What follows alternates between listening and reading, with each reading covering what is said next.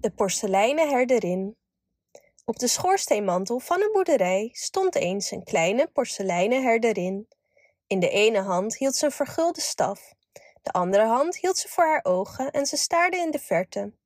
Waarschijnlijk was ze op zoek naar haar schapen.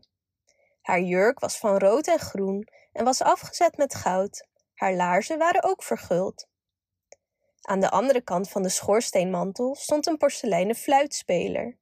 Hij was gekleed in rood en wit, en zijn fluit was verguld en zijn laarzen waren rood.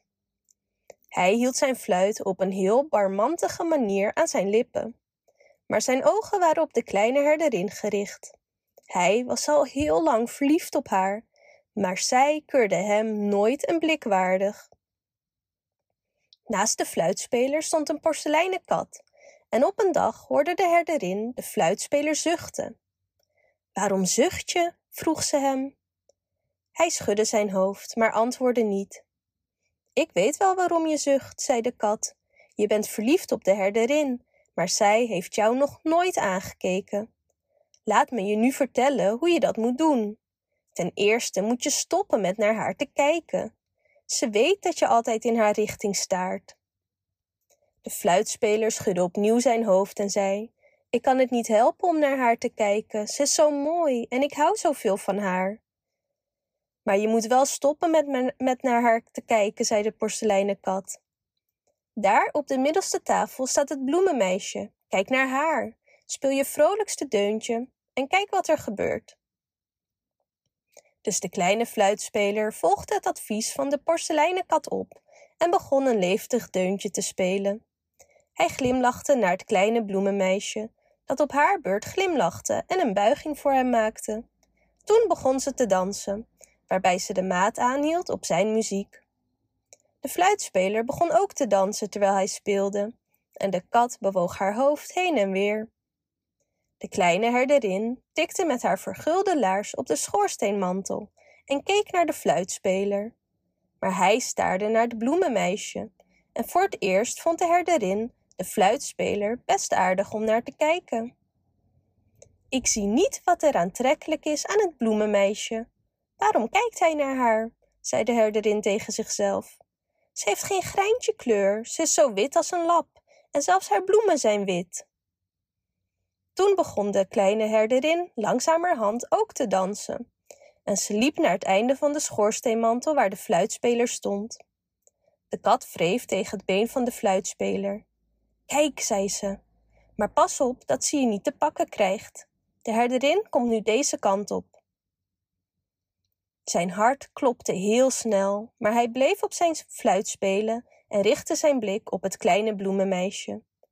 Maar de herderin kwam niet dichterbij dan het midden van de schoorsteenmantel, en niet één keer keek ze naar hem.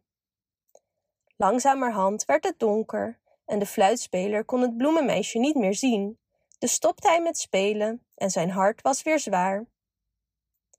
De porseleinen kat wilde echter een match maken tussen de herderin en de fluitspeler, dus ze liep naar de kleine herderin en vroeg: Vind je niet dat hij heel goed kan spelen? Wie bedoel je? vroeg de listige kleine herderin. De knappe fluitspeler, zei de kat. Oh, ik heb er niet veel over nagedacht, antwoordde de herderin. Zou je hem niet nog eens graag horen spelen, zei de kat. Het zou ons opvrolijken. De kamer is zo donker. Op dat moment stroomde het maanlicht door het raam en verlichtte de kamer. De kleine herderin keek weer in de verte en zei dat ze het leuk vond om de muziek te horen. Dus de kat draafde naar de fluitspeler. Ze wil je horen spelen, zei ze. En ik denk dat je haar voor je kunt winnen. De fluitspeler begon zachtjes muziek te spelen en liep naar de kleine herderin. De muziek was zo lief en verdrietig dat tegen de tijd dat hij haar bereikte, ze haar betraande ogen afveegde. Hij sloeg een arm om haar middel en zei dat ze niet moest huilen en dat hij nu een vrolijk deuntje voor haar zou spelen. Nee, dat zijn de deuntjes die je speelt voor het bloemenmeisje, zei ze terwijl ze haar hoofd liet hangen.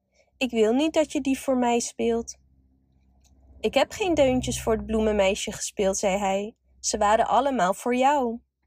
Maar je keek de hele tijd naar haar, zei de nu nederige kleine herderin. Maar ik dacht aan jou, antwoordde hij. Laten we samen op het uiteinde van de schoorsteenmantel gaan zitten. Dan zal ik voor je spelen. Wat wil je horen? Speel iets droevigs, zei de kleine herderin, want zoals alle meisjes wilde ze huilen als ze het gelukkigst was. Kijk daar, zei de porseleinen kat, terwijl ze zich oprolde voor een dutje. Ik ben blij dat het nu geregeld is. Het porseleinen herderinnetje zou nooit hebben toegegeven als hij niet naar het bloemenmeisje had gekeken. Deze meisjes zijn vreemde wezens.